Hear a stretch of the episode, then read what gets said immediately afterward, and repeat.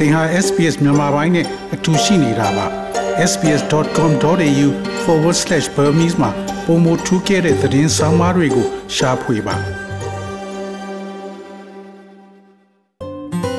SBS မြန်မာပိုင်းကို အင်ကာနဲ့စနေနေ့ည10:00နာရီမှနားဆင်နိုင်တယ်လို့အွန်လိုင်းကနေလည်းအချိန်မီနားဆင်နိုင်ပါပြီ။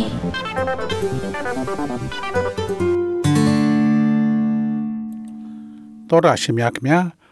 Australian Tertiary Admission Rank သို့မဟုတ် ATAR သည်အဆင့်မြင့်ပညာကိုဆက်လက်သင်ယူရန်စီစဉ်နေသောအလယ်တန်းကျောင်းသားများအတွက်အရေးပါသောအခမ်းအနားကနေပါဝင်နေပါတယ်။ဒါကကျောင်းသားတဦးရဲ့အလုံးစုံပညာရေးအောင်မြင်မှုရဲ့စံနှုန်းတစ်ခုဖြစ်ပြီးတက္ကသိုလ်သင်တန်းတက်မဲ့သူအား၎င်းတို့ရဲ့အသက်အုပ်စုရှိကျောင်းသားအားလုံးနဲ့ဆက်ဆက်ဖော်ပြထားသော၎င်းတို့ရဲ့ယက်တီချက်အားညွှန်ပြမှုတစ်ခုဖြစ်ပါတယ်။ ဩစတြေးလျနိုင်ငံမှာနိုင်ငံတော်အခြေခံပညာရေးစနစ်ရှိပါတယ်။ပြည်내တစ်ခုစီမှာတက္ကသိုလ်ဝင်ခွင့်စင်တာများသည့်တဦးချင်းရဲ့ထိတ်တန်းရအမှတ်10ခုအတွက်အတိုင်းတာအမှတ်များစုပေါင်းပြီးမှ ATR ARTA ကိုတွက်ချက်ရတာဝန်ရှိပါတယ်။ Kim Piano သည် University Admission Center သို့မဟုတ် UAC တွင်ဈေးကွက်မြင့်တင်ရေးနှင့်ထိတွေ့ဆက်ဆံမှုဆိုင်ရာအထွေထွေမန်နေဂျာတဦးဖြစ်ပါတယ်။ The key feature of the ATAR is that it's a rank. It's not a score or a mark, it's a rank. So it's a measure of how you have performed against ATAR others in your အာတာရဲ့ age group. အဓိကအင်္ဂါရပ်မှာတော့အဆင့်တစ်ခုဖြစ်ပြီးအမှတ်တစ်ခုသို့မဟုတ်အမှတ်သားတစ်ခုမဟုတ်ပါဘူး၎င်းသည်အဆင့်တစ်ခုဖြစ်ပါတယ်ထို့ကြောင့်၎င်းသည်သင်အသက်အုပ်စုရှိတခြားသူများအပေါ်သင်မည်သို့လှုပ်ဆောင်ခဲ့သည်ကို တိုင်းတာခြင်းဖြစ်ပြီး၎င်းကိုအသုံးပြုရန် ရည်ရွယ်ထားတာတည်းမကတက္ကသိုလ်ဝင်ခွင့်အတွက်လည်းဖြစ်ပါတယ်အာတာလက်ခံရရှိရန်အရေးချင်းပြည့်မီရန် Victoria ရှိကျောင်းသားများသည် Victorian Certificate of Education VCE ကိုပြီးမြောက်အောင်မှာဖြစ်ပါတယ်။ Tasmania တွင် Arthur သည်ကျောင်းသားများရဲ့တာရယနှစ် Tertiary Entrance TE score ရမှတ်များပေါ်အခြေခံထားပါတယ်။ New South Wales မှာ UAC သည် Higher School Certificate HSC ချီးမြှင့်တဲ့အလယ်တန်းကျောင်းသားများအားအာတာကိုပေးဆောင်ပါတယ်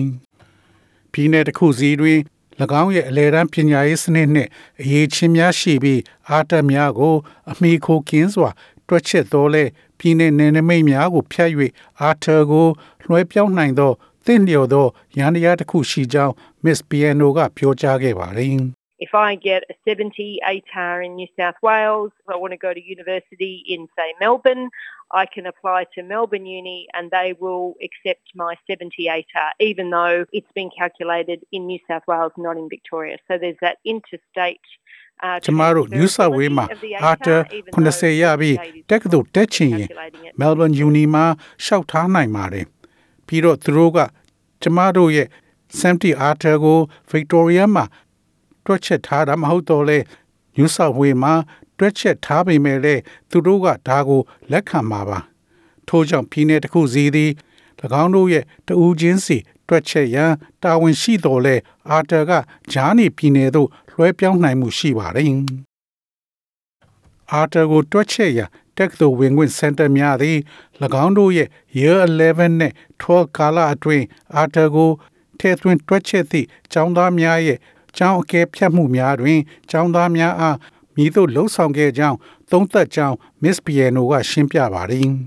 Well, essentially in New South Wales, we are basically leveraging off the results that the students already have at the end of year 12. Can't just use their HSC result to come up with an ATAR because everyone's doing different subjects. So an HSC, it doesn't really give universities a sense of who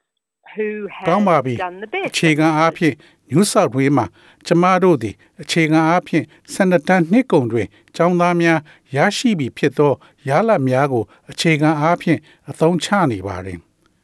လူတိုင်းသည် မတူညီသောဘာသာရပ်များကိုလှုပ်ဆောင်နေတာကြောင့်အာတတစ်ခုရရှိရန်၎င်းတို့ရဲ့ HSC ရလဒ်များကို ကျမတို့အသုံးပြုနိုင်မှာပါထို့ကြောင့် HSC သည်တက္ကသိုလ်တွင်မြည်သူအကောင်းဆုံးလုပ်ခဲ့သည်ကို အမှန်ပင်မသိနိုင်ဘူးလို့ကျမတို့ယူဆပါတယ် Miss Piano သည်တက္ကသိုလ်ဝင်ခွင့်စင်တာများတွင် အာတာလက်ခံရရှိရန်အတွက်မတူညီသောအရေးချင်းပြည့်မီမှုလိုအပ်ချက်များရှိကြောင်းထောက်ပြပါတယ်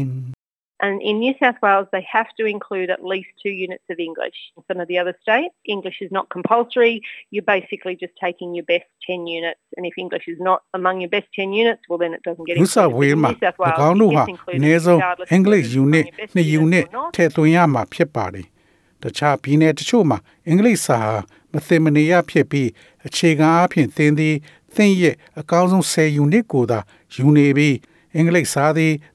သင်ရဲ့အကောင်းဆုံး10 unit တွင်မဟုတ်ပါက၎င်းတွင်မပါဝင်ပါဘူး။ဒါပေမဲ့ New South Wales မှာဒါကသင်ရဲ့အကောင်းဆုံး10 unit တွင် ရှိသည်ဖြစ်စေမရှိသည်ဖြစ်စေထည့်သွင်းထားပါတယ်။စနီမနီကိုလီယနာဂျော်ဒန်သည်လွန်ခဲ့သောနှစ်အနည်းငယ်ကသူမရဲ့သားနှင့်သူငယ်ချင်းများ Year 12ကုံဆုံးချိန်တွင် တွေ့ရှိခဲ့တာကို ကွက်ကွက်ကွင်းကွင်းမှတ်မိနေပါတယ် For a lot of students, ATAR is about making or breaking it, getting into the course of their dreams. So I feel a lot of students take subjects that they don't necessarily want to do, like three unit physics or four unit physics and four unit maths, because they know they're scaled up and they'll do everything ကျော they င်းသားအများအ possibly ပြား can အတွက် to အာတာ get သည် their ATAR ၎င်းတို့ရဲ့ as high as အိမ်မက်များကို possible အ in ကောင့် order ထဲ to get ပေါ် into ရန် the course of သို့မ their ဟုတ် dreams. ဖျက်ပစ်လိုက်တဲ့အကြောင်းလည်းဖြစ်နိုင်ပါတယ်ဒီတော့ကျောင်းသားအတော်များများက သူတို့မလိုချင်တဲ့ဘာသာရပ်တွေကို unit 3 unit ယူပဗေဒဒါမှမဟုတ်4 unit ယူပဗေဒဒါမှမဟုတ်4 unit သင်ချာတွေလို့သင်ယူကြတယ်လို့ခန်းစားရပါတယ်ပြီးတော့သူတို့ရဲ့အာတာကိုတတ်နိုင်သမျှအမြင့်ဆုံးရအောင်သူတို့လုံနိုင်သမျှအကုန်လုပ်ကြပါတယ် UAC ရဲ့ကင်ပီယနိုကအလဲရန်ចောင်းသားတိုင်းတက္ကသိုလ်တက်ပါကပြန့်မြအာတာသည်90ဖြစ်လိမ့်မယ် သို့မဟုတ်အလဲရန်အာတာသည်အများအားဖြင့်80ဝန်းကျင်မှာရှိတယ်လို့ဆိုပါတယ် One of the questions that I sometimes get is, well, if it's a rank, wouldn't the middle point be 50? And it's not because the ATARS is the representation of the entire age group rather than those that have actually gone on to complete. And the reason we တ do ခါ that, တည်းမှာ ATAR is ကျမတို့မေး transferable တဲ့ across the မေး country. ခွန်းတွေ It ထဲ needs က to be a တစ်ခုကတော့ representation of youth အဆင့်တစ်ခုဆိုရင် in the entire age အလေအမှတ်က90မဟုတ်ဘူးလား ထို့အပြင်အာတာသည်အမှန်တကယ်ပြီးမြောက်သွားခဲ့သော အမျိုးအစားများထက်အသက်အုပ်စုတစ်ခုလုံးရဲ့ကိုစားပြုမှုဖြစ်သောကြောင့်မဟုတ်ပါဘူးအပေကြောင့်ဆိုသောကျမတို့ထို့သို့လှုပ်ဆောင်ရခြင်းမှာအာတာသည်နိုင်ငံအနှံ့လွှဲပြောင်းနိုင်သောကြောင့်ဖြစ်ပါတယ်သင်ရဲ့အသက်အရွယ်အုပ်စုတစ်ခုလုံးနဲ့နှိုင်းရှင်ပါကသင်အားကိုစားပြုရန်ရည်ရွယ်ထားပါတယ်အာတာအဆင့်သတ်မှတ်ချက်များသည်69.95မှ 3.33အထိ2000အမှတ်စကေးတွင်ယာနှုန်းပြည့်အဆင့်ဖော်ပြသည့်တိုင်းတာမှု လုပ်ငန်းစဉ်မှရလာများဖြစ်ပါသည်80အမှတ်ရဲ့အာတာသည်၎င်းတို့ရဲ့ Year 12အသက်အုပ်စုရှိကျောင်းသား20ရာခိုင်နှုန်းတွင် ထိတ်တန့်ကျောင်းသားများကိုညွှန်ပြထားတာဖြစ်ပါတယ်။ Miss Leonor Jordan သည် New South Wales တွင် သင်ကြားရေးမဟာဘွဲ့ကိုရရှိနေသူဖြစ်ပါတယ်။ အာတာတွက်ချက်ပုံသည် နားလည်ရခက်တယ်လို့သူမကဆိုပါတယ်။ In terms of how the ATAR is calculated, I- I've asked many teachers and everyone has a vague idea. အာတာ but it တွက် is ချက်ပုံနဲ့ very, ပတ်သက် very ပြီး complicated. ဆရာဆရာမတော်တော်များများကို မေးဘူးပါတယ်။လူတိုင်းမှာမရေရတဲ့အယူဆတွေရှိနေပြီးအရန်ကိုရှုပ်ထွေးပါတယ်။အာတာရရှိရန်အရေးချင်းပြည့်မီသောကျောင်းသားများသည် online တွင်စာရင်းပေးသွင်းရန်လိုအပ်တယ်လို့ Miss Piano ကရှင်းပြပါတယ်။ Uh, for Year 12s, the application is pretty straightforward because we even have their personal details because we get that from our local board of studies. So it's kind of pre-populated once they put their student number in and a pin that we've uh, emailed ပ to ညာ them. သင် Really နှစ် the only စ thing နစ် they နှစ် have အတွက် to do ရှောက်လွှာများသည် is, uh, fill in ကျမ the တို့ရဲ့ courses they're ဒေ applying တာခံ for လေးလာရေး and, ဘော်ဒ uh, အဖွဲ့မှ the ရရှိ application သော link. ကြောင့်၎ င်းတို့ရဲ့ကိုယ်ရေးကိုယ်တာအသေးစိတ်များပင်ရှိသောကြောင့်ရှောက်လွှာသည် လွယ်ကူရှင်းလင်းဖြောင့်တန်းနေပါတယ်။ဒါကြောင့်သူတို့ចောင်းသားနံပါတ်နှင့်ကျမတို့ထံအီးမေးလ်ပို့သောပင်နံပါတ်ကိုထည့်လိုက်သည်နှင့်ကြိုတင်သတ်မှတ်ထားခြင်းဖြစ်ပါတယ်။အမှန်တကယ်တော့သူတို့လုပ်ရမယ့်တစ်ခုတည်းသောအရာကသူတို့လျှောက်ထားတဲ့သင်တန်းတွေကို ဖြည့်သွင်းပြီးရှောက်လွှာခြေကို ပေးဆောင်ရမှာဖြစ်ပါတယ်။ နောက်ဆုံးစာမေးပွဲများနှင့်အထက်တန်းကျောင်းမှဘွဲရခြင်းဖြစ်နိုင်ခြေအမြင့်ဆုံးရမှတ်များရအောင်ကြိုးစားနေသောကျောင်းသားများအတွက်အလွန်စိတ်ဖိစည်းစေနိုင်တယ်ဟုနီကိုလီနီယိုလီယနိုဂျော်ဒန်မှပြောကြားပါတယ်။တချို့သောတက္ကသိုလ်များသည့်အစောပိုင်းဝင်ခွင့်အစည်းအဝေးသို့မဟုတ်တက္ကသိုလ်တစ်ခုသို့မဟုတ်သင်တက္ကသိုလ်ပထမနှစ်ပြီးဆုံးချိန်တွင် လိုချင်သောတက္ကသိုလ်တစ်ခုသို့ ပြောင်းရွှေ့ခြင်းကဲ့သို့သော အခြားရွေးချယ်စရာနည်းလမ်းများကို ပေးဆောင်တယ်လို့သူမကထောက်ပြပါတယ် there were always back doors. So if you didn't get the mark to get into medicine, but you desperately wanted to get it, then you go and do a science degree, do really well in the science degree, and transfer to medicine. Or if you didn't get into law, you could do an arts degree, do really well, and transfer into the law. နောက်တ degree. ကားက Obviously, မြေတိုင်း they're- ရှိပါတ they're ယ် well researched ဒါကြောင့် to know စေတက် the သို့ဝင်ဖို့ back door to get အမှတ်တွေ into မ the ရခဲ့ပေမဲ့ law အရန်လိုချင်ရင်သိပ္ပံဘွဲကိုသွားလုပ်ပြီးတော့သိပ္ပံဘွဲကိုတကယ်ကောင်းကောင်းနဲ့အောင်ပြီးဆေးပညာကို ပြောင်းလဲလို့ရပါတယ်ဒါမှမဟုတ်ဥပဒေပညာရက်ကိုဝင်ဖို့မရသေးရင်ဝိဇာဘွဲကိုရယူပြီးတကယ်အကောင်းကောင်းအမှတ်နဲ့အောင်မြင်တယ်ဆိုရင်ဥပဒေဘွဲကို ပြောင်းလဲလို့ရပါတယ်ဒါကြောင့်ဝင်ဖို့အနောက်တကားတွေကိုသိဖို့သင်တကယ်တစ်ခုခုလိုချင်ရင်လက်မလျှော့ပဲကောင်းကောင်းလေးလာထားရမှာပါ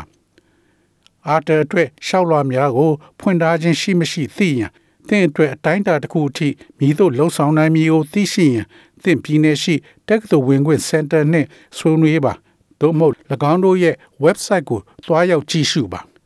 တော်ရရှိမြခင်ဗျာ SBS သတင်းဌာနကဂျိုစီပါ ကိုဆာနိုဗစ်ရဲ့ဆောင်းပါးကိုဘာသာပြန်တင်ဆက်ပေးထားတာဖြစ်ပါတယ်ခင်ဗျာ SBS မြန်မာပိုင်းကိုနားဆင်ရတာနှစ်သက်ပါတလား Facebook မှာဆွေးနွေးမှုတွေကိုဆက်ကြရအောင်ပါ SBS မြန်မာပိုင်း Facebook ကို like လုပ်ပြီးတော့သင်ချင်တဲ့ချက်ကိုမျှဝေနိုင်ပါတယ် SBS Bemis ကို Facebook မှာ share ကြည့်နိုင်ပါတယ်ရှင်